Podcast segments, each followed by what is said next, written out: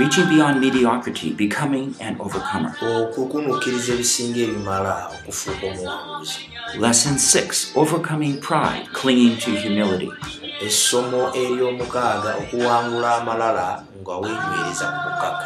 by Paul Bucknell, translated from English into Uganda. God is speaking. Is anyone listening? Katonda ayogera waliwo omuntu yenna awulira The Lord provides a path to experience a spirit filled life. katonda agabirira ekkubo okusobola okumanyira obulamu obujjudde omwoyo Produced by Biblical Foundations for Freedom. nga bikutuusibwako emisingi egy'eddembe egya bayibuli www.foundationsforfreedom.net, releasing God's truth to a new generation. okusumulula amazima ga katonda eri omulembe omupya Well, let's begin our sixth session. Akatandike ku ssomo lyaffe ery'omukaaga If you need, you can sit a little closer. bw'obanga tofaayo osobola okusemberako mu maaso But it's just great to be able to see the power of God's Word in our lives. naye kikulu nnyo okulaba amaanyi g'ekigambo kya katonda nga kikola gakola mu bulamu bwaffe God has equipped us, God has given us strength. katonda atuwadde ebyokukozesa atuwadde amaanyi And do you know that we only can get so close to God? omanyi nti ffenna tusobola okusembera katonda You know, often we want to say, Oh Lord, draw me close to you. era bulijjo nga ogamba nti mukama nsembeza kumpi naawe But the people of God can't get that close. naye abantu ba katonda bo abamu tebaagala kusemberera ddala katonda unless they get more and more holy.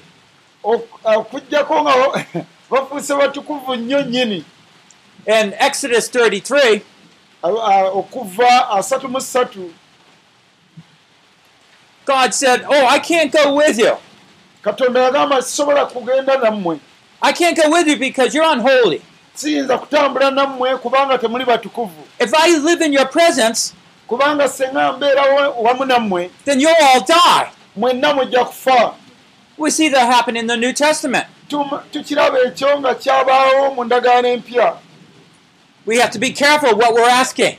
tulina okwegendereza kye tusaba The reason is because God's sense of judgment comes across and He gets rid of unholiness. kubanga katonda yajja mangu n'asala omusango ekitali kitukuvu ne kyawukana wamu naye It says in Hebrews, without sanctification, no man can come to God. kubanga mebulani atutegeeza nti awatali kutukuzibwa omuntu tayinza kusemberera katonda So when we're talking about revival, kati twogera kuzibwa obujja what God will do is bring us through an exercise of personal holiness. katonda nga kyagenda okukola kwe kubanga atusembeze tusobole okuba nga tussa mu nkola obutukuvu oba obutuukirivu bwaffe to break through different areas of our life so that we can be renewed and live by the Spirit.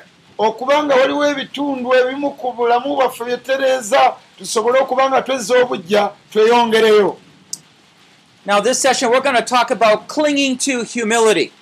kati mu- mu mu ssomo lino tugenda kuba nga twogera okwekwata ku bukakkamu We're going to overcome pride, tugenda kuba nga tuwangula amalala and the opposite is we're going to hold on to humility. era mu ngeri endala tujja kuba nga twenywereza ku bukakkamu Now, humility is not often treasured in our cultures. obukakkamu mu kalica zaffe oba mu buwangwa bwaffe tetutera nnyo okubwettanira We look down on it. tukitunuulira nga kintu ki- kyakunyoomebwa That's why we just tend to respond by pretending we're better than we are. kyova olaba nti tugezaako okwefuula nga tuli bawaggulu okusinga kye tuli Let's ask God to protect this time. mukama atuyambe atukuume In the name of Jesus, we come, O Lord. Kitaffe mu linnya erya yesu tusembedde nate We come and ask that the Word of God would shine bright like a light. era tusabe ekigambo kyo nate kyakayakane mu makati gaffe ng'ekitangaala Help us to walk in your ways. kitange tuyambe tusobole okutambulira makubo go Protect us from the evil one. Tukuume eri omubi era n'obubi bwonna And bring true freedom to our souls, Lord. era mukama leeta eddembe eri emme- emmeeme zaffe That we can walk after the footsteps of Jesus. tusobole okutambulira mu bigere bya mukama waffe yesu In Jesus' name we pray. mu linnya erya yesu kristo mwe tusabidde Amen. amen You know, as I was coming over here, bwe mbadde nga nvaayo eri nga nzija eno I uh, realized that I'm not very familiar walking here. Ŋŋenza okulaba nga si- simanyidde kutambula mu bintu mu bisooto bwe bityo I could see myself sliding down. nvuzeeko kata mu njoleyoole nga ndi kuddimwa So I asked the pastor to go first. kati ne ŋŋamba omusumba He was so gracious to lead away. The reason is I wanted to see where he would walk. Mbadde nge- kyengezaako ndabe ye waalinnya nange nga we nva ndinnya I wanted to walk like he was walking. mbadde njagala kutambula nga ye bwabadde atambula It worked. era kinkoledde You know, we shouldn't be afraid to be like Jesus. bannaye tetutya kutambula nga yesu oba kufaanana ye- yesu And we find that Jesus, in every way, lived a humble life. Wonna mukama waffe yesu we yabeeranga yatambulira mu bulamu obw'okwe- o- obw'okwekakkanya Humility leads to success. obukakkamu bukuleetera okukulaakulana In James 4 6, Ya- yakobo nnya mukaaga it says, God is opposed to the proud, but gives grace to the humble. agamba nti katonda awakanya ab'amalala naye abakakkamu abawa ekisa Let me say it again God is opposed to the proud, but gives grace to the humble. katonda ye alwanagana n'ab'amalala naye abakakkamu abeetowaze abawa ekisa Remember that valley, that prayer that we prayed? amujjukira ekiwonvu kiri kye twayiseemu ng'osaba ng'ova waggulu n'okka ate n'oyambuka He gives grace to the humble. katonda akuwa ekisa ate n'akwambusa waggulu Now, pride is perhaps the greatest enemy to man. omanyi amalala gano ye mulabe ow'olulango eri omwana w'omuntu That's because pride stands a wall, makes a wall between God and ourselves. kubanga amalala gassaawo ekisenge gulugulu wakati wo ne katonda Pride keeps us from repentance, amalala gakugaana n'okwenenya right? kituufu ekyo it does. Yeah. And so we can't even find the healing of God. n'olwekyo n'otofuna kuwonyezebwa kuva eri mukama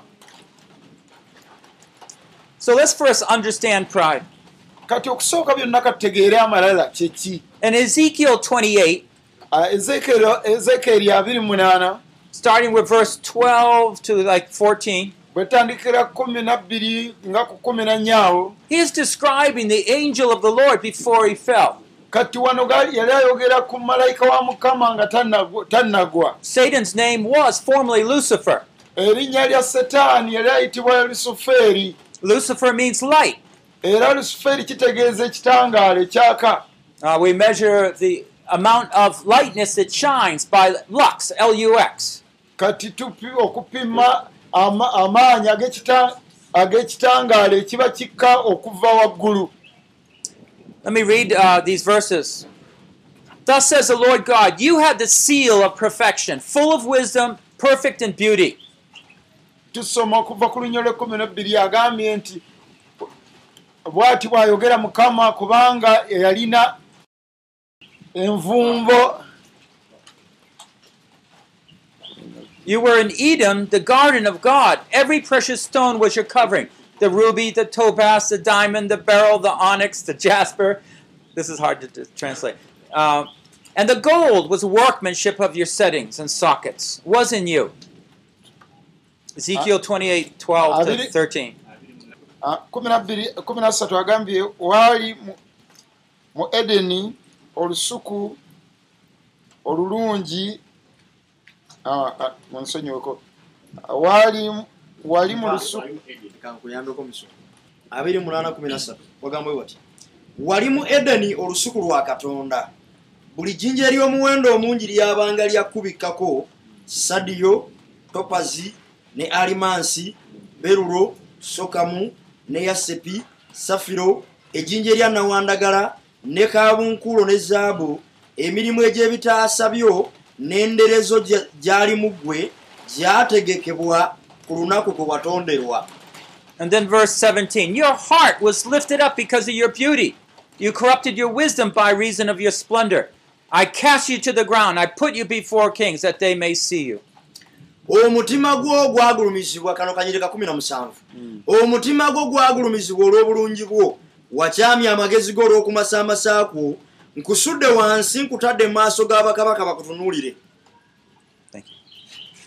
So we find that when God is described in Satan's history, tukiraba wano nga katonda bw'aba awo ajjayo ebyafaayo ba setaani there was no greater creation yali kitonde ekinene eky'amaanyi And yet, in verse 17, it was when he lifted up his heart because of his beauty and wisdom. naye wano olwekumi nomusanvu aga nti okutuusa lwe yayimusa omutima gwe God brought judgment upon him. katonda n'alyoka amusalira omusango If Satan, the greatest, the power, Lucifer, the greatest of all, fell because of pride, so can we. Obanga ddala lusufeeri eyali ow'amaanyi ow'ekitalo yasobola okugwa so gwe nange naffe kisoboka Why is pride so devious? lwaki amalala gano kintu kibi nnyo John Stott, a, uh, a popular speaker, said pride is more than the first of seven deadly sins. It is in itself the essence of sin. Omwami omu yayogera bw'ati naga nti amalala ga kabi nnyo okusinga ebintu ebintu musanvu ebyakabi mu bulamu Pride seeks to possess our hearts and destroy us. Amalala gaagala nnyo okuwamba omutima gw'omwana w'omuntu oluvannyuma gakusuule Now, we might think that pride would not enter a holy place like a pulpit. Oyinza okulowooza nti amalala tegayinza kuyinja awatukuvu nga katuuti wano nti ha eyo tegalinnyayo Uh, but surely he does. naye amalala tegalinawe gatatuuka ne katuuti gagendayo While we're speaking, a prideful thought might come to our mind. kati wemba nga njogera wano amalala gayinza okujja mu birowoozo byange After we're preaching a powerful sermon, nga tumaze pride comes. okuweereza mu maanyi eki- obu- mu buweereza obw'amaanyi mu mafuta amalala ne gajja ne gakulyawo Is it perhaps because we're so full of pride, God can't fill us with more spirit and wis- wisdom? kati amalala buli bw'ogeegaana katonda akujjuza n'omwoyo we n'osobola okuweereza mukama You know, pride is so devious. amalala bannaye ga kabi nnyo Let me explain why. kankunnyonnyole lwaki You know, first of all, pride is comparative. amalala bulijjo geegeraageranya It always compares itself to someone else. geegeraageranya n'omuntu omulala Whenever you think of better, buli lw'olowooza ekintu ekisingako richer, obu- obugagga obusingako holier, obutukuvu obusinga what do you think? olowooza ki? Ah, probably pride, huh? Ah, malala ago. Naye oyo musinga. Instead of comparing ourselves with God, mu kifo ekyokwegeraageranya ne katonda we look around to others. ate ffe tutunuulira bantu ba- balala bakusinga And because of that reason, any of us can fall so quickly. kati olw'ensondowooza eyo oweesanga nga bangi tugudde kubanga tulimu ekintu ekyo Pride is subtle. amalala nnaku yennyini We might pray for somebody, oyinza okusabira omuntu and then we get prideful. kati ate ne- n'ofuna amalala If God answers prayer, katonda bw'aba nga azzeemu saalayo we gy'osabye think it's our prayer. nogamba ndaba kanyama hey, nze sisabira muntu n'ayimirira Maybe God doesn't answer some prayers because of our pride. omanyi ne saala ezimu teziddibwamu lwa amalala Oh, it's so, and it's secretive, right? It tries to hide inside us. kati olumu amalala ga- go ga- gaagala nnyo okwekweka gabeerayo eri munda Few are the men who would say, I've faced the problem of pride. batono nnyo ayinza okuvaayo naga nti bannaye mukama nsaasire naye amalala mwegali Pride is rebellion. amalala wakyewaggula It's when we actually assert our knowledge above God. era olaba nga gawakanya n'ekigambo kya katonda ekisukkulumu That's what Lucifer did. era lusufeeri ekyo kye yakola He thought himself greater than God. yalowooza nti wa kitalo nnyo oku- okukira katonda See, once you step, you think yourselves greater than God, buli lwolowooza nti osukkulumye katonda you're willing to disobey God. olwo nno nga n'oku- You're n'okujeema willing to go your own way. n'obutamugondera oyagala kukwata makubo go Pride is rebellion. amalala kwe kujeema bwe bujeemu And pride is essentially idolatry. ate amalala kwe kusinza ebifaananyi It's where we actually lift up and idolize, usually ourselves. otandika okusinza ebifaananyi oba okwesinza gwe no- mundaba mundaba gwe weerabawo wekka God is so patient with our pride. katonda ebiseera ebisinga atugumiikiriza n'amalala gaffe naye nga tayagala malala But sometimes he comes and strikes against it. ebiseera ebimu ajja n'akuba amalala go ne gakoma In Acts chapter 12, 21 to 23, ebikola by'abatume 12 23 there was a certain day King Herod put on his royal apparel. waliwo olunaku lumu kerodde we yayambala ekyambalo kye eky'obwakabaka. The people were crying out, abantu ne baleekaanira The waggulu voice of God, not a man. ne bagamba nti "Eddo- lyeri eddoboozi lya katonda si lya muntu. And instantly, amangu mbagirawo an angel of the Lord struck him because he did not give God the glory. malayika wa mukama n'amukuba oluyi kubanga teyawa katonda kitiibwa He was eaten by worms and died. E- e- envunyu ne zimulya n'afa What does God really think of pride? olowooza katonda ki kyalowooza ku malala We should see that God is opposed to any form of pride. katonda yawakanira ddala n'enkola yonna ey'amalala Just think of a child who's been cared for all his life. lowooza ku mwana omuto ng'abadde afiibwako obulamu bwe bwonna And when he grows up, he just rejects his parents. n'akula mbagirawo n'agaanira ddala enkola zonna eza kitaawe bweza bazadde be It might be like ourselves. naffe ebiseera ebimu bwe tutyo bwe tufaanana God has brought us out of the mud. katonda n'akuggyayo mu bitoomi wenna mu He bitosi cleaned us, n'aku- n'akwoza n'akunaaza bulungi nnyo dressed us, n'akwambaza nour- nourished us. n'aku- n'akujjanjaba ng'akubudaabuda But as we grow, naye olukula we forget Him. katonda ne tumukuba ettale And we're focused on what we're doing. kati olwo ne tulowooza nga tufiira ddala ku ebyo bye tukola Pride is so dangerous. amalala aba mikwano ga kabi Now, I just want to mention something on the issue of self esteem. njagala kubaako ekintu kye nnokolayo ku kino ekiro eky'omuntu okuba nga yeegulumiza yekka Does anyone know that, that term, self esteem? waliwo kummwe amanyi omuntu okuba nga yeeyimusa yekka nga yeerabawo yekka Anybody? Um, if, if you're familiar with educational circles, you'll notice that they're often using this. omanyi bw'obanga oli mukyalo muyigirize obulungi kino okimanyi nti abakyala abo aba- abaabangulwako balina ebintu bye batera okukozesa bino They use an unbiblical way of describing um, people and their problems. balina engeri gye bakozesa ebintu ebitali bya bayibuli nga beeyogerako oba nga boogera ku bintu by'abantu ebi- ebi- ebyetaago by'abantu abalala Self esteem is basically the way you examine yourself. Ah, okubanga omuntu yeegulumiza y'engeri gye yeerabamu munda muli And when they say you have low esteem, kati oba omuntu okuba nga yeeraba nga wa wansi nnyo that you look down on yourself. nga gwe buli kiseera olaba weetwala nga oli wa wansi ddala tolina nakyosobola The educational community will often label our problems because we have low esteem. Kati abayi- eh, ebyobuyigirize bulijjo bitunuulira abantu olw'okuba nga naga nti oyo olw'okuba teyasoma n'olwekyo ateekeddwa kubeera awo bw'atyo I'm thinking this is totally unbiblical. kino kyembagamba kubanga kino kikontanira ddala ne bayibuli sino si kyabyawandiikibwa Now, God does want us to examine ourselves.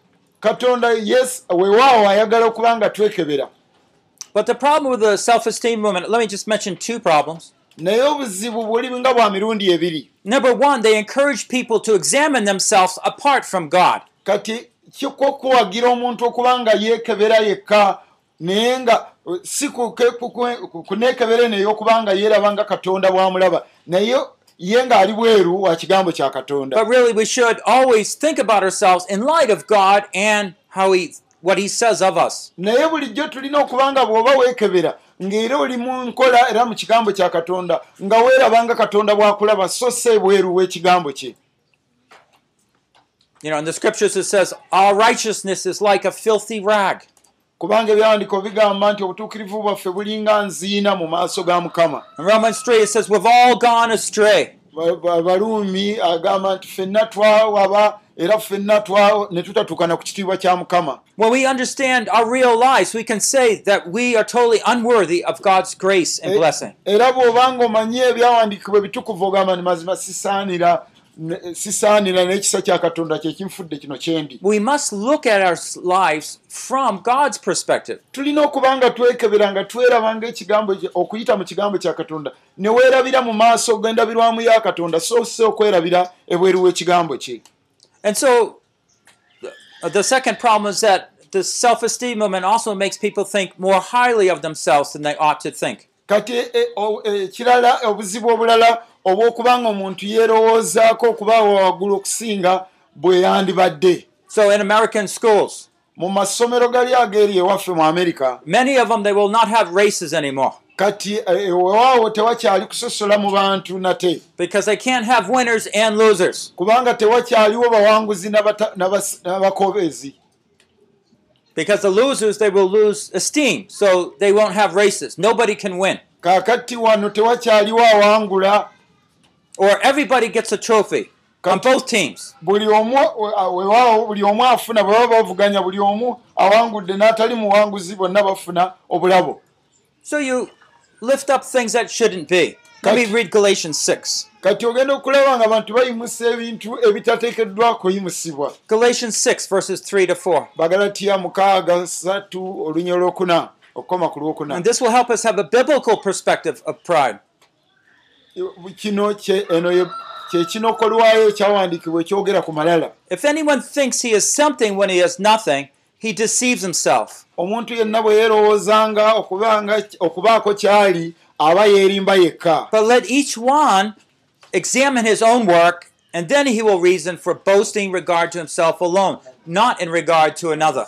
kati buli muntu yenna yeekebere alyoke alabenga nga bwe kigwanidde mu kigambo kya katonda nga bwe kiri So if we think we're something when we're really not, that's prideful, that's wrong. buli lwe weerowooza okubeera ekintu ate nga toli ekyo kikyamu And so we see deception works along with pride. kati obulimba bukolera wamu n'amalala Comparison works with pride. era n'okwegeraageranya bikolera wamu n'amalala The biblical response is to examine what you've done.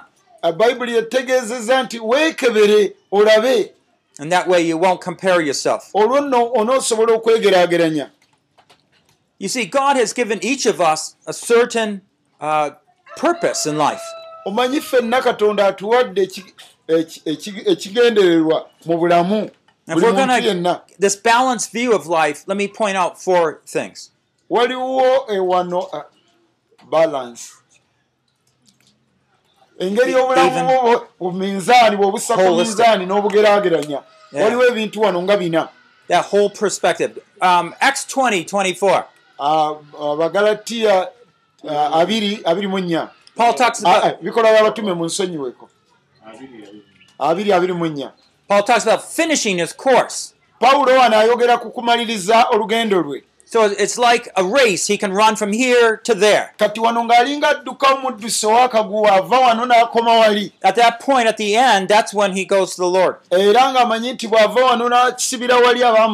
Each of us have a course.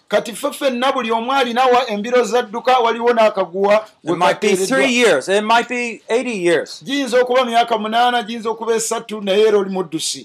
Are we completing what God has assigned us? kati ekibuuzo kiri nti omaliriza oba omaliriza ekyo ekyakutonderwa I mean, if I'm prideful over starting six churches, kati bwebanga nina amalala olwokubanga natandikayo amakanisa nsimbi amakanisa mukaaga when God all the time wanted me to start 30 churches, ate nga katonda yali ansuubira kutandika amakanisa asatu makumi asatu will I look successful from, from God's point of view? kati mwe- olaba nga olwo mba nkulaakulanye era nga nkoledde eddala ekyo katonda kye lyansuubiramu No. nedda But what if God made me to start one church naye ate butyanga mukama yali ayagala ntandike kanisa emu and that one church was started? era emu eyo n'etandika Difference, huh?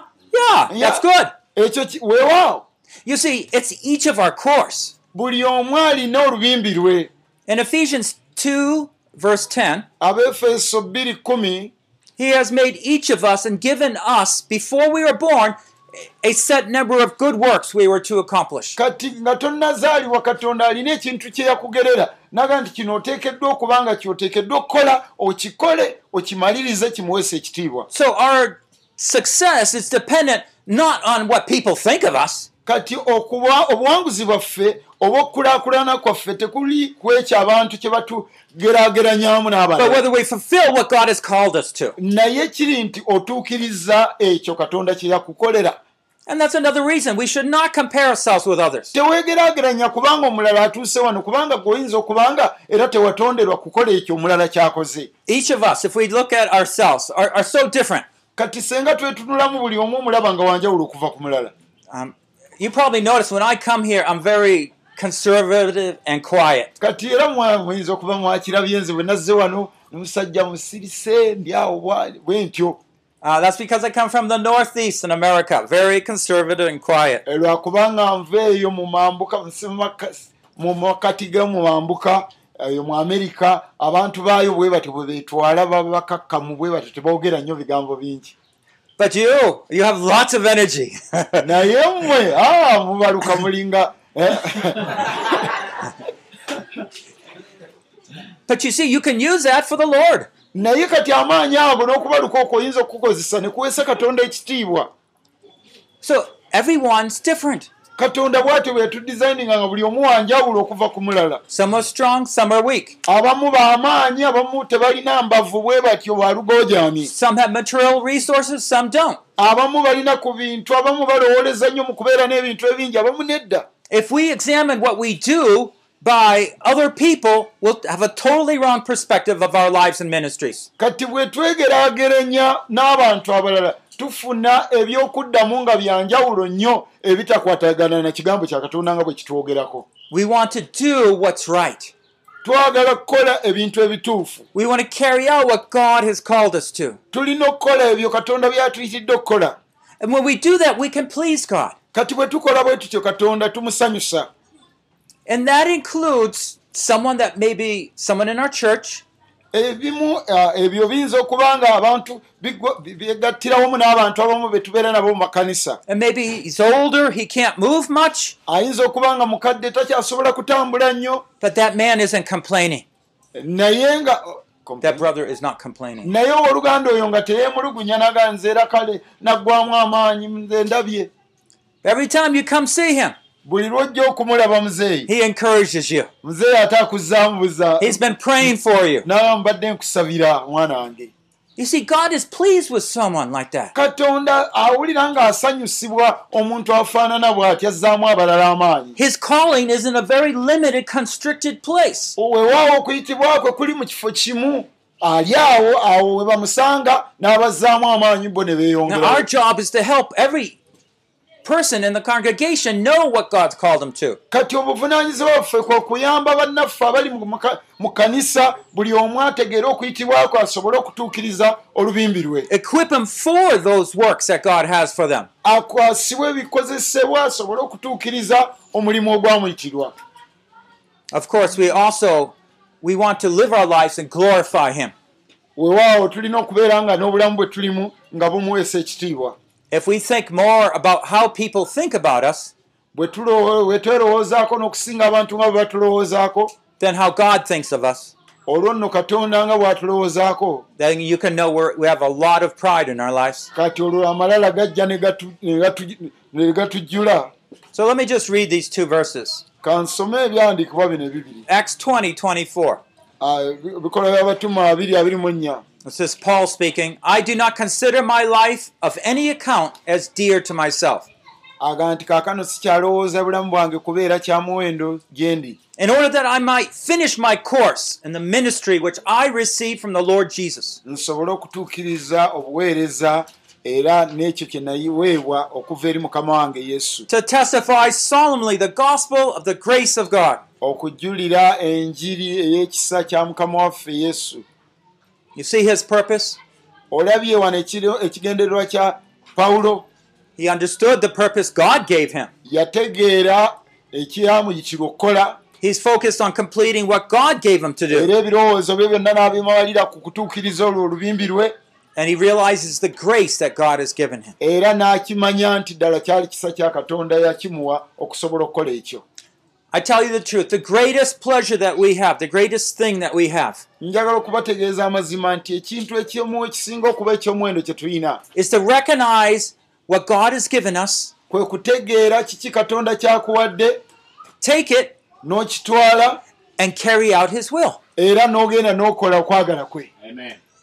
Psalm 96, verse 3. a- a- zabbuli kyenda mu mukaaga olunyiriro- olunyiriro lwokusatu It says, Tell of his glory among the nations, nti otegeezenga ekitiibwa kye mu mawanga his wonderful deeds among the peoples. era n'ebikolwa bye eby'ekitalo mu bantu abangi We need to be preoccupied of giving praise to God. buli kiseera tuteekeddwa okuba nga tumaliddwawo n'okuddiza katonda ekitiibwa n'ettendo And more than often, that's how can God use someone like me? okubanga n'okusinga okugamba nti katonda asobola atya okukozesa omuntu nga Do you nze remember the Apostle Paul? ojjukira omutume pawulo He said, God has given me the most grace of all. kati n'agamba nti katonda nze omuto mu batume mukama ate yampa ekisa okusinga bonna I was most undeserving of God's grace nze nali sigwanidde na kisa kya katonda ekyampeebwa because he went and killed believers. kubanga jjukira yali muyigganya ng'ayigganya ekkanisa ya kristo okugimalawo A, a whole picture of our lives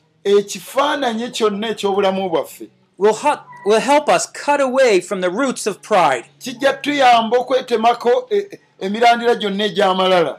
Because we no longer compare ourselves with people. kubanga olwo tetukyegeraageranya n'abantu bonna. We no longer focus on our possessions, era ng'olwo tetukyatunuulidde bino ebintu bye tulina but we focus on the what God has given us, naye ng'omulamwa era n'omulaka ffe tutunuulidde ebyo katonda bye yatuwa the gifts and resources God's given us. ebirabo byatuwa n'ebikozesebwa And we focus on taking that and pleasing Him. okubitwala mu maaso n'okukola okwagala kwe Now, how is pride different than humility?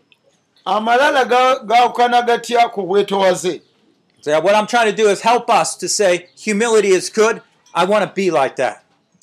Okugjayo kyekino nti okumanya nti obu- obukakkamu oba obugonvu bulungi nnyo njagala nange okubeera nga ndi mukakkamu nsobole okuganyulwamu Jesus was humble. I want to be humble. yesu yali mwetowaze nange njagala kubeera mwetowaze Now, pride is a misplaced confidence. amalala kwe kubanga eh, essuubi eriri mu kifo ekikyamu Humility is God focused. Ate obukakkamu kwe kubanga ossa omulaka ku katonda ku bwesigwa bwa katonda weesiga mukama. A prideful person does not believe that God knows best and prefers to trust in his own judgment and resources. abantu ab'amalala tebakkiriza nti katonda amanyi byonna era baba balowooza nti katonda tasobola kusala musango gwa nnamaddala n'ebyo ebintu ebiba byabakwasibwa Era bulijjo beerowoozaako okubeera abawaggulu okusinga nga bwe bali. So every time that we rely on our own devices and ways, kati bulijjo buli omuntu bw'olowo- bw'olowooza bw'otyo that we fall into pride. kati omaliriza ogudde mu malala. Because we are dismissing what God wants. kubanga tuba tusu- tusubibwa ddala era tukiviirako ddala katonda tukifiiriddwa katonda kyatulowooleza okutuwa okutukwasa. Humility, on the other hand, obukakkamu mu ngeri endala focuses on faithfully responding to God. bulijjo obwesigamizibwa ku kwesigira ddala okwesigama katonda n'ekigambo kye according to his will and direction. era okusinza kwagala kwe n'okuluŋŋamya- kwe the result is thankfulness in our heart. era n'ekivaamu kwe kwebaza kwe tubeera nakwo mu mukama waffe So pride will lead to rebellion. amalala bulijjo gakulemberwa kigo Humility leads to praise and thanksgiving to God. ate obukakkamu buleeta okutendereza okugulumiza katonda Now let me just look at a passage here fro- on about Hezekiah. kati kambeeko wano ku- ku- ku, ah, ku kanyiriri- eh, ku bunyiriri buno obwogera ku kezekiya In 2 Chronicles chapter 32 verses 24 to 26. Ah, uh, eby'omu mirembe essula yakubiri ekyokubiri essula ya 32 olunyiriri lwa 24 okoma ku lwabiri mu ettaano eby'omu mirembe ekyokubiri. 2 chronicles 32 verses 24 to 26 asatu mu bbiri abiri mu nnya n'olwabiri mu ettaano.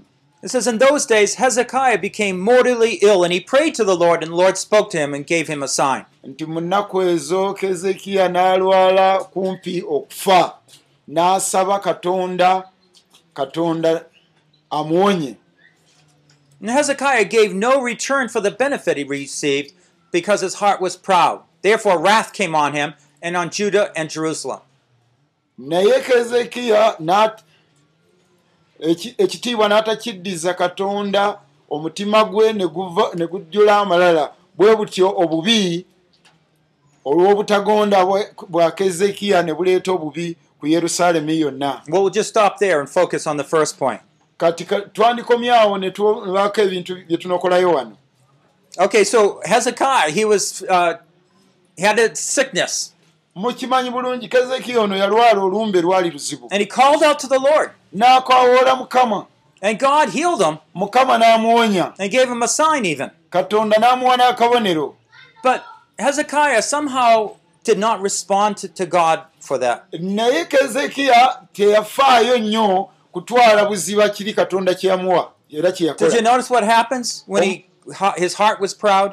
omanyi ki ekyabaawo omutima gwe bwe gwayingiramu amalala Wrath came on him. obubi oba obukaawu ne bu- ne bumugwako Not just him. obusungu bwa mukama Wrath came on who else? obusungu bwa mukama bwagwa kwani omulala Judah and Jerusalem. yuda ne yerusaalemi zonna ne zibutikirwa obusungu bwa katonda So if a pastor gets prideful, kati omusumba bwafuna amalala maybe God's wrath will come on him. kati obusungu bwa mukama bumugwako oyo Who else might it come on? olowooza ate ani addako awo The congregation. Yeah. Eh, n'ekisibo kiyinza obutawona Yeah. So I mean, we really need to pay attention here. era ab'emikwano wano tulina okussaayo omu- omutima This is the danger of pride. kubanga buno kino kyekizibu ekijja olw'amalala What I like here is though how Hezekiah, when he found out, he humbled himself. era kyenjagala ennyo nti kezekiya bwe yakizuula na- n'akakkana mu maaso ga mukama. In verse 26, it says Hezekiah humbled the pride of his heart.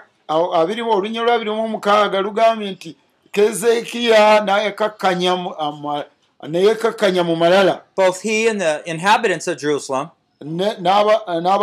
abaali batuula mu yerusaalemu ne mu yuda yonna so the wrath of the Lord did not come on them in the days of Hezekiah. n'olwekyo obu- obusungu bwa katonda ne butabagwako mu nnaku za kezekiya ng'akyali kabaka So when we get prideful, it's like God has to come against us and bring us down.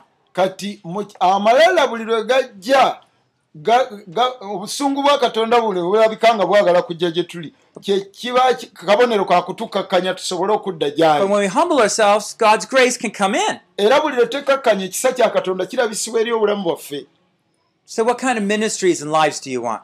kati gwe buweereza ki bwe wandyetaaze okuyaayaanira You choose. gwe salawo And your decision will impact others. ate okusalawo kwo kugenda kubaako kyekukosa abalala oba kyekuweeramu omukisa abantu abalala Why did God choose David? lwaki katonda yasalawo okulonda dawudi He had lots of brothers.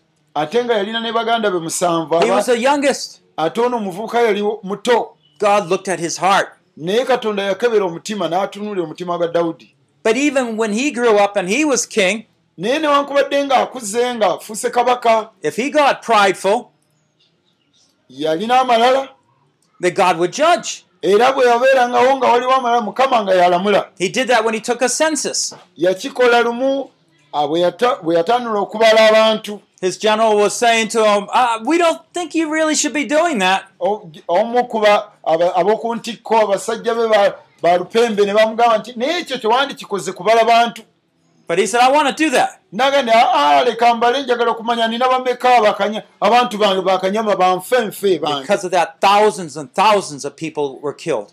kati ekyo kye yakola ne kireetera enkumi n'enkumi ez'abantu okufa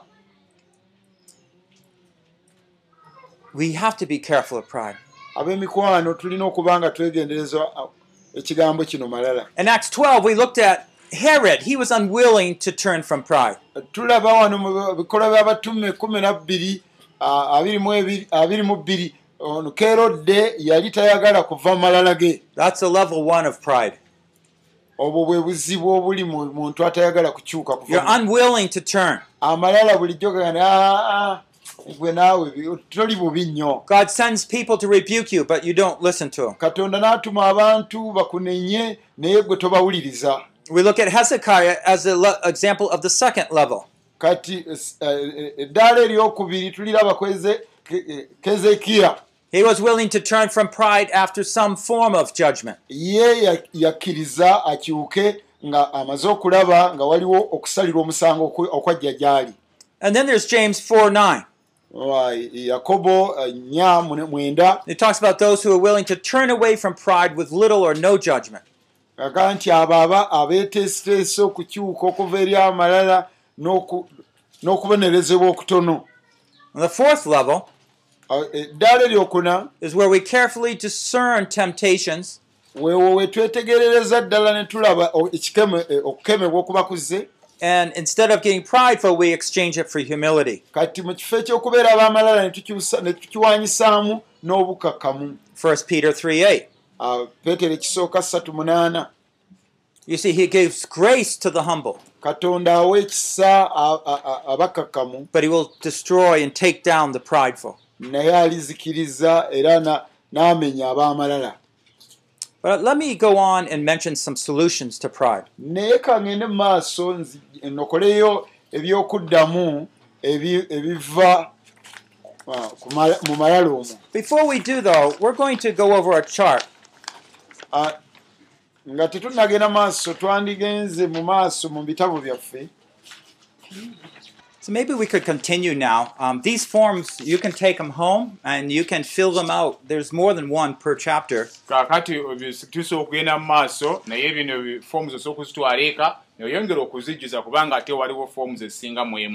Just remember if you run into a question you don't understand, bw'otuuka ku kibuuzo nolaba nga tokitegeera bulungi you can ask someone else or just skip over it. oyinza okubuuza muliraanoga nti wange wano wakozeewo otya oba oyinza okukibuuka You'll find some questions will help you more than other questions. oyinza okusanga ate ng'ekibuuzo ekirala ekiddako kigenda kuyamba nnyo okusinga kino ate ekirala And you might come up with better questions that are there. ate era oyinza n'okufuna ebibuuzo ebirala ebirungi ebisinga n'ebyo byetwatadde wansi But we're trying to understand and help us understand wh- how we respond and think to pride. kaakati tugezaako okuteeka wansi tulabe nti buli muntu ategeera bulungi engeri gy'osobola okwanukulamu ng'osinkanya amalala Now, see, our, we have two goals, right? One is to come out of pride, tulina tulina ebiruubirirwa bubiri ekisooka kwe kuva mu malala but the other way is even better where we stay out of pride. kaakati naye engeri endala ennungi ekigendero ekyokubiri kwe kwekuuma obutabeera mu malala And so we walk in um, humility. kaakati ero katutambulira mu bukkakkamu So let's take a little time here and look at some solutions to eliminate our pride. kaakati katutunulire ebyokuddamu engeri gy'osobola okuggirawo ddala amalala peji asatu mu nnya waliwo paati b waliwo ka b okwanjula amalala Now, if we do not seek to root out pride from our lives, it will seek us out. kaakati bwe tutanoonya kuggyawo malala ne tugasimbula okuva mu bulamu bwaffe gajja kutusika If pride takes over in one part of our life, it wants to infect the rest. kaakati amalala bwe gatandika empolampola ne we gafuna we gayingirira ate gaagala omubiri gwonna gagutwale I love the way God humbles us. era njagala nnyo engeri mukama gy'atutowazaamu Just a minute ago, I had to go out. eddakiika eyiseewo mbale n'okufulumaku katonda wabweru You know, see, God can take me from a pulpit to a toilet. katonda asobola okuyinza kutundagana yakasooka ove ku kituuti ate egenda mu kabuyonjo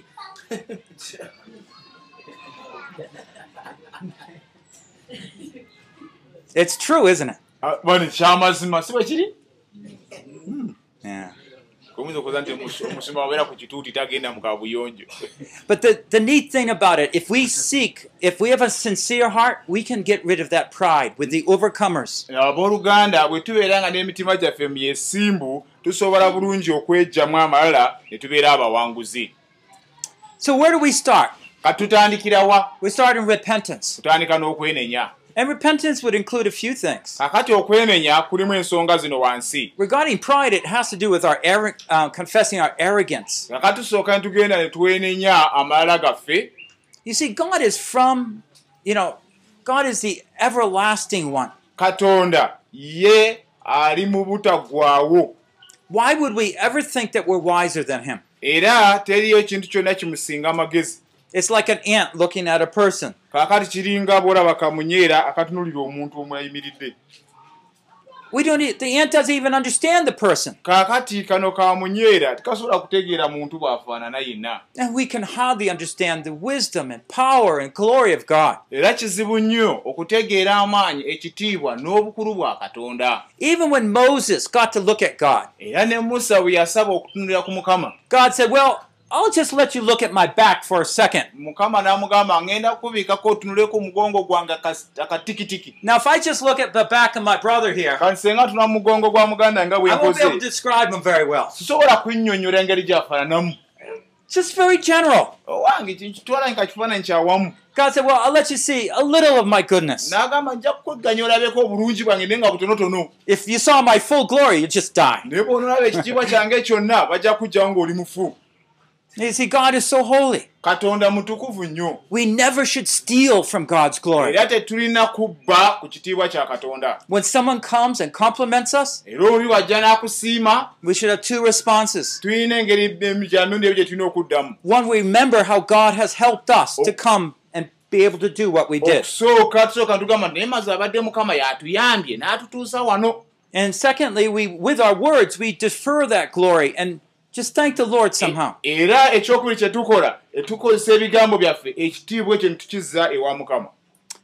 Satan comes by with uh, temptation, and we just need to be careful about that. kati setaani yabeera n'okumpimpi ng'aleeta ekikemo tulina Do you okukyegendereza know, in the middle of confessing my pride, wakati mu kwatula amalala gange Satan will come in my mind, n'okujja n'ankuba akaama and he says, "Now you're really holy." Just even when I'm praying to confess my sin, ate wano ng'aneenenya n'ebibi byange ne setaani n'ankuba akaama nti kati ate oyitidde otya obutukuvu the, the, the only way to escape that is to be able to see that's Satan putting thoughts in my mind. engeri yokka gy'osobola okubonamu ekyo kwega naye ekyo sitaani- kati sitaani nyini kati yaŋŋamba ndi oyitiridde Because obutukuvu he would want to say, You can't escape pride. kuwange Yeah. But by God's grace, we can. naye olw'ekisa kya katonda tusobola okusimattuka amalala We want to acknowledge through that form. You can begin to get familiar with areas that you uh, are prone to get prideful in. kaakati oku lupapula lwokwo osobola okgenda ng'otunula ebitundu ebimu byobadde bitandise okugenda nga byagala okuyingiramu amalala And you want to look in the back background and see how God has brought you there and done those things. era ng'oyinza okutunula n'otunula emabega nolaba engeri mukama gy'agenza akutambuzaamu okutuusa awo akutuusizza I love it in Joseph in Genesis 50, right? nkyagala nnyo omuyuzi mu lubereberye ensula ya makumi ataano ku He yusufu says to his brothers, You meant what you did to me many years ago for evil. yabagamba nti mwe kye mwakola baganda bange mwaki- mwakinkola nga mwagala kintukeko olw'obubi But even though he was king in the land, newankubadde nga yali mukungu mu nsi he could have crushed his brothers after his father died. yandibadde be n'abasekulasekula nga kitaabwe amaze okufa He didn't need them. naye yatebeetaaga He humbled himself. naye ye yeetoowaza n'akkakkana He forgave them. n'abasonyiwa And he comforted them. n'abazzaamu n'amaanyi n'ababudaabuda He released all his power in that sense. era kikiba kitegeeza nti amaanyi ge gonna n'obuyinza bwe yandibadde akozesa byonna yabireka n'abita He said, You meant it for evil, but God meant it for good. n'abagamba nti mwe mwakindowooleza okubeera ekibi naye katonda yennyini yakindowooleza okubeera obulungi And so, in that way, you can see, oh, I'm just a piece that God's using to accomplish his greater plan. kaakati ogera neweeraba n'ogamba nti ze mbadde akatundutundu akeegasse okumaliriza enteekateeka ya katonda ennene I'd just like us to open up to 1 Samuel 13. katubikule samwiri ekisooka 13 1 Samuel chapter 15. samwiri ekisooka sula 15 It gives us in the Bible a, a number of illustrations about pride.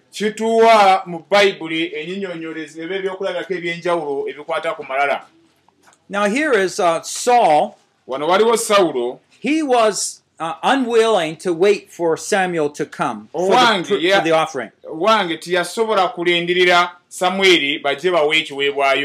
And just after he made the offering, aba yakamaliriza bw'ati okuwa ekiweebwayo Samuel came. samwiri n'ajja And you'll notice in verse 13 olunya lw'ekumi n'esatu esuwa ekumi n'ettaano samwiri ekisooka how Saul is just um, covering up everything. awo nga sawulo amaliriza byonna azingako I'll read verse 13. And Samuel said to Saul, and Saul said to him, Blessed are you of the Lord. I've carried out the command of the Lord.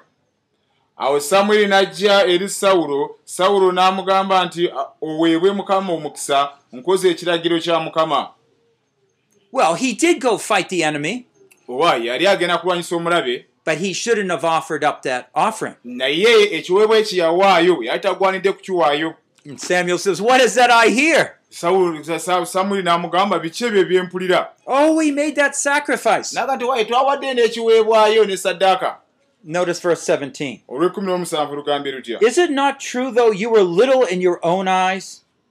samwiri n'amugamba newankubadde nga wali mutono mu maaso You were g'ogwe, made head of the tribes of Israel. tewafuuka mutwe gwa bika bya isirayiri Do you see what he did? olaba kye yakola God made him.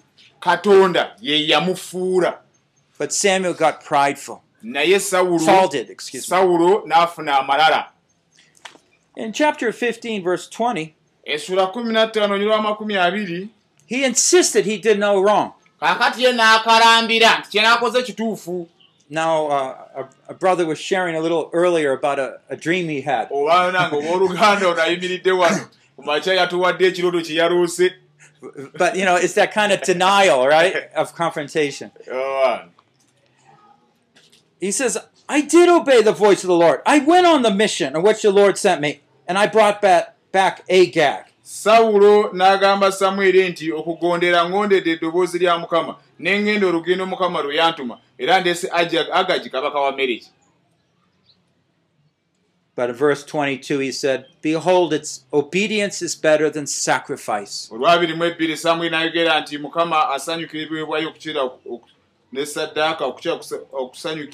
And 23, rebellion is the sin of divination.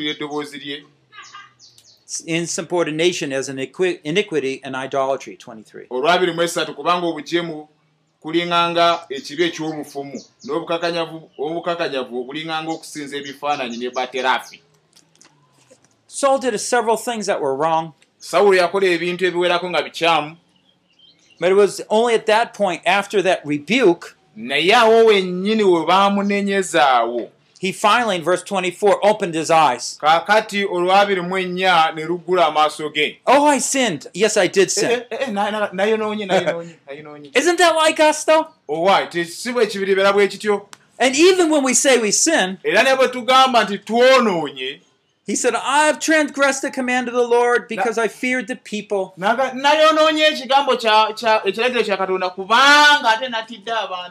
Ekiragiro kya katonda kubanga ate natidde abantu But forgive me.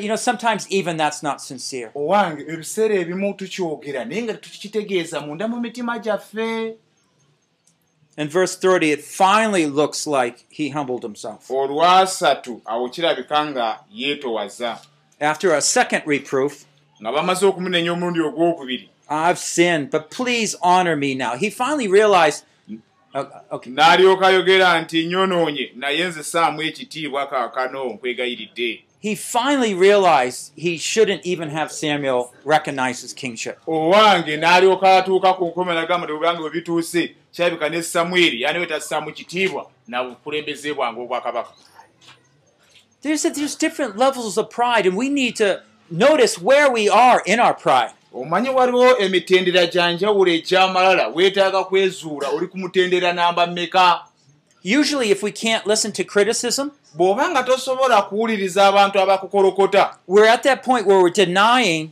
reproof that God's sending to us. kaakati ne kiba kitegeeza nti ogezaako okugaana okunenyezebwa okwo katonda kwagezaako okusindika gye tuli And we need the Lord to help us. awo tuba twetaaga mukama atuyambe But see, any point we can just step in any of these areas and just humble ourselves. kaakati tuyinza okugenda nga tuyingira mu madaala gano ne tugenda nga tukakkana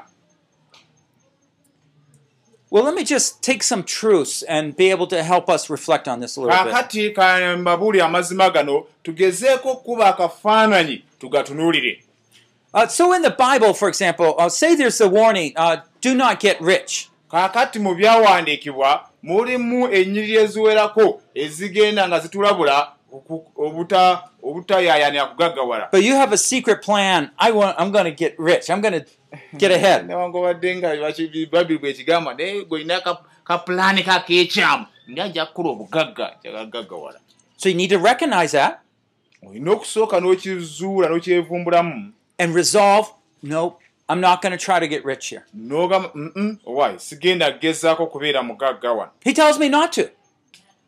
He tells me not to try to get rich. ekigambo kigambye togezangako okunoonya obugagga 1 Timothy 6 9. timoseewo ekisooka mukaaga mwenda But if I insist on a secret plan to get rich, and maybe even use the ministry to get there, era ne nkozesa n'obuwe- n'omu- n'obuweereza bwe mpererezamu nsobole okwefunira obugagga. You should see that there's pride there. oteeka okulaba nti awo waliwo amalala Because disobedience shows that you're willing to go against God's ways. kubanga gwe kirabika nti oyagala nnyo okuwakanya enkola ya katonda Now, I'm not saying it's wrong to be rich, but he says that pursuit of riches. Sigambye nti okugaggawala kibi naye agambye okugoberera obugagga okudduka okugoberera obugagga Now, in Matthew, uh, he, Jesus refers to people who are trying to live longer. kaakati mu matayo yesu yali ayogera ku bantu abaagala okuwangaala They're worried about how long they live. Eh, kuma- ku- kuwa- kumanya okuwangaala emyaka emingi But we can use a verse maybe like James 1:10. Tusobola okukozesa olunyiri nga yakobo essula emu olw'ekkumi okuwangaala okuzimba ebyobuwangaazi wano n'osimba 1:10. ama- n'osimba amakanda abaagala okusimba amakanda wano yakobo emu kumi He says, Let the rich man glory in his humiliation, because like flowering grass he will pass away. era n'omugagga yenyumiririze-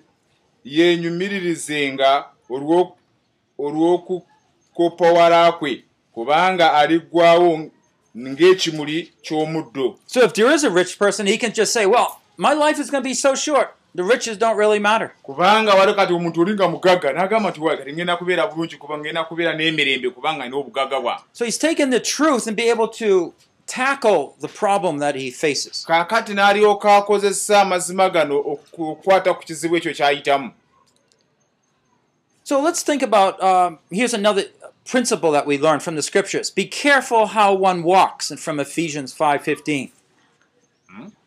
Uh, Ephesians 5:15. abeefeso essuula ttaano nyola kumi n'ettaano tuweegendereze engeri gy'otambulamu God says, Be careful how you walk, not as unwise men, but as wise. agamba nti weegendereze engeri gy'otambulamu si nga atalina amagezi wabula ng'omuge- ng'alina amagezi Pride, often you're not very attentive to how you walk. oluusi amalala gakugamba nti ago tofayo engeri gwe You're more gy'otambulamu interested in what you're getting. gwesala n'ozibiriza nogamba kasita nfuna kyenjagala But we can resolve in our heart to seek God's help. naye tuyinza okusalawo okutunula munda mu mitima gyaffe tulabe nga tusobola okufuna okuyambibwa kwa katonda to call for God's help, era tukoole katonda atuyambe to seek God's purpose. era tunoonye ekigendererwa kya katonda In Joshua 23:11, mu yoswa 23:11 we see he committed himself and his family to we as a family going to serve the Lord. era tulaba nga yeewaayo ye yennyini n'amaka ge ng'agamba nze n'amaka gange tugenda kuweereza mukama You make it your life goal to please and obey God. era nga obulamu bwo osalawo okubuwaayo bube n'ekiruubiro ekyokusanyusa mukama I find it very helpful to do this. E kino kisanze nga kya muganyulo omunene nnyo okukikola Say I want my ministry to grow in a certain way, something to be better in my life. Lord, I, and I like that. Lord, you know I would like this. But whether you allow this or not, oba kino onookiganya nekituukirira oba tekituukirire I'm going to persist in faithfully following you. ŋŋenda kusigala nga ndi ku mulamwa era nga nkugoberera You see, I recognize the temptation. era awo nnengerawo ekizibu But ekyo I, use the pledge in my heart to, to focus and be free from it. naye nkozesa okweyama kwange nsobole okusigala nga amaaso gange gali ku mulamwa nsobole okukiwona ekikemu ekyo If we want a bigger church, but it's very small, oyinza okuba nga ekkanisa erina ntotono naye nga muli mundamu gwenamu ekikemu ekyokuba nekkanisa ennene ennyo it's okay. Be content. Ah. Focus there. Work at where God's put you. owange matira okole awo wennyini mukama wakuyise kuli ekyo mukama kyakugamba okukola Of course, in the meantime, you can look for more wisdom and understanding. weewaawo ng'oba otambula ng'oba oweereza oyinza okugenda n'onoonya amagezi amalala n'okumanya okulala Just to kind of finish up uh, this talk and, and teaching on pride, kati nga tumaliriza okusomesa kuno kwonna okukwata ku malala we need to think about how we begin to pray.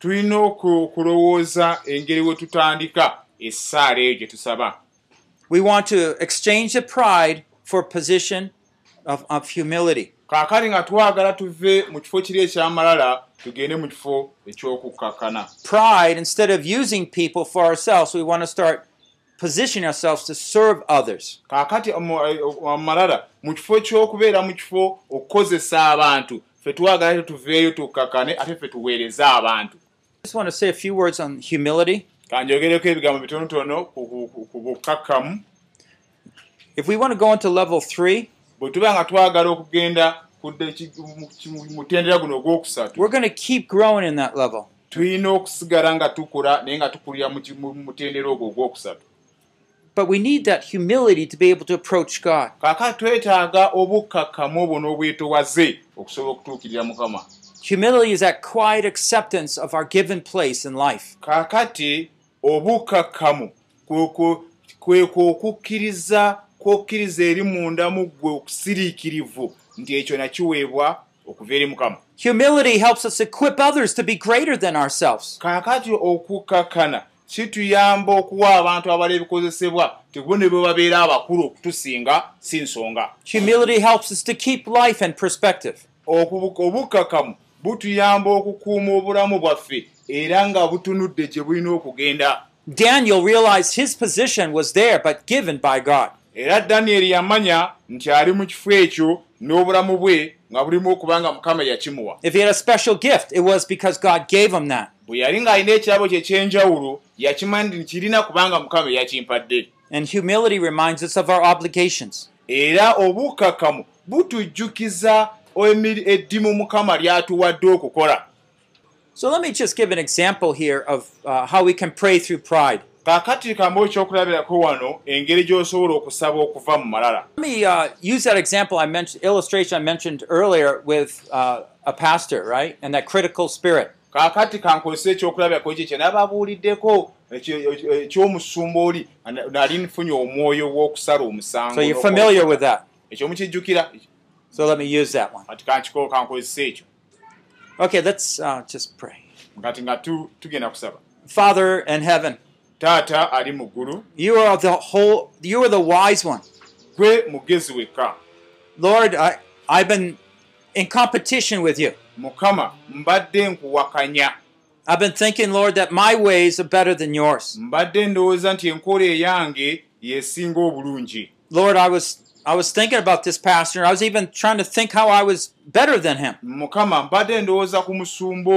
Ng'oluusi neegeraganya nti musinga n'obulungi Lord, please forgive me for my pride, my arrogance. mukama nsonyiwa amala gange n'okweyimusa Lord, I need your forgiveness through Jesus. mukama neetaaga okusonyiwako okuyita mu linnya lya yesu I don't want to come against your people. saagala mukama nge mbeere nga nnumbagana abantu bo I don't want to think that I have to work against them and think I'm better. Nsaagala mukama mbeere nga ndowooza nti nina okukola okubawakanya I thank you for my pastor. basinga obulungi nkwebaza omusumba wange Lord, I thank you for how you used him. mukama nkwebaza engeri gy'omuko- gy'omukozesaamu And I want you to begin to bless him even more. era mukama nsaba oyongere okumuwa omukisa n'okusukkuluma Lord, you help me to be a good brother, Lord, to support him. era mukama nsaba onyambe mbeere omuwooluganda omulungi amuwagira And you just gift him all the more. era nsaba omwongere ebirabo You help him to raise up under you, era naye omuyimuse that you can mightily use and serve him. olyoke omukozese mu ngeri y'amaanyi Uh, Father, you're the one who has gifted us and helped us. era mukama gw'otuwadde ebirabo era gw'otusobozeseza And we pray, God, that you, you might all the more help me to be one who supports and era encourages. mukama wange nsaba nti onyambe mbeere omu ku abo abamuyamba That your name is glorified in this place. erinnya lyo ligulumizibwe mu kifo kino That we have the harmony of brothers. tuleme okulumya baganda baffe And that your name is praised. naye erinnya lyo litenderezebwe In Jesus' name we pray. mu linnya lya yesu tusabye Amen. Now, one thing I didn't, I didn't bring any verses. I should have brought some verses into line here. But it basically, we're just going like this.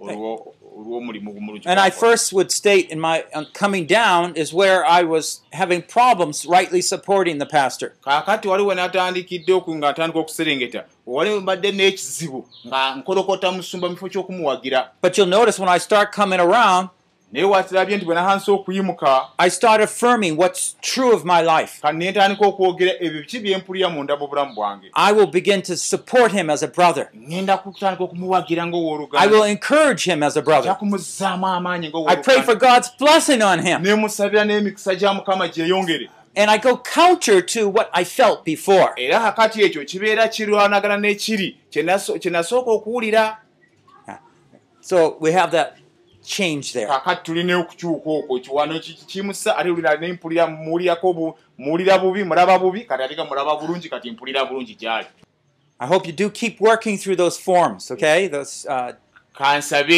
kansabe nti mujja kugenda mu maaso n'okutunulira foomuzi ezo n'ebibuuzo ebyo Okay, let's just close in a time of prayer. Oh Lord, we praise you, Father, that you're the God of all glory and power. We are humbled, Lord, that you ha- we have at times stolen from your glory. Lord, we are just your servants. Forgive us, Lord, for putting our hands in your pockets. tusaasire mukama wange okuteekenga mu mikono gyaffe mu nsawo yo Forgive us for thinking that we're greater than you, tusonyiwe okulowooza nti tuli b'amaanyi okukukira mukama that our ways are better than yours. nga tulowooza nti enkola eyaffe esinga enkola yo Oh, please forgive us, O Lord, and cleanse us from all our sin. mukwano tukwegayiridde tusaasire tunazeeko ebibi byaffe byonna Lord, we want to be your humble servants. mukama twagala tubeere abaddu bo abeetowazizza We want to catch a vision, Lord, of serving other people like Jesus. twagala twatwale okwolesebwa okwo okw'okuweereza abantu abalala nga yesu bwe yakola He served you in a great way, even without a great position on earth. yakuweereza mu ngeri ey'amaanyi newakuba eri atalina kifo ky'amaanyi eky'omu nsi muno He committed his life, his resources to serving others. yawaayo ebiseera bye yawaayawo amaanyi ge okuweereza abalala And we here, Lord, in the same way, commit ourselves to walking like Jesus. era ne kaakano tuli wano mukama waffe nga twewaayo okukola nga yesu bwe yakola He who was rich became poor for our sake. eyali omugagga n'afuuka omwavu ku lwaffe We thank you, Lord, for teaching us and help us as we continue to learn, tukwebaza mukama olw'okutusomesa olw'okutuyamba era tweyongera okuyiga that you might shield us from pride nti olyoke otutaasa okuva mu malala and thrust his ugly face from our lives. era otuyambe otuzimbe tuyimuke mu bulamu bwaffe For you alone deserve glory and honor. kubanga gweka agwanda ekitiibwa n'ettendo We are no longer children of the devil. Tetukyali baana ba setaani We are children of the light. tuli abaana b'omu Now kitangaala let us walk as children of the light. leka tutambule ng'abaana In the name b'ekitangaala of great name of Jesus we pray. mu linnya ekkulu erya yesu tusabye Amen. amiina This concludes this session on reaching beyond mediocrity. We hope that you might continue on listening. Tulowooza tujja kweyongerayo n'essuubi lyaffe okusomera okuli Be a strong, spirit filled believer. osobole okubeera omukristaayo ajjudde omwoyo atanywedde Lesson 6 Overcoming Pride, Clinging to Humility. essomo ery'omukaaga okuwangula amalala nga weenywereza ku bukkakkamu by Paul Bucknell, translated from English into Luganda. nga livunuddwa okuva mu luzungu okudda mu luganda God is speaking. Is anyone listening? Katonda ayogera waliwo omuntu yenna awulira The Lord provides a path to experience a spirit filled life. katonda agabirira ekkubo okusobola okumanyiira obulamu obujjudde omwoyo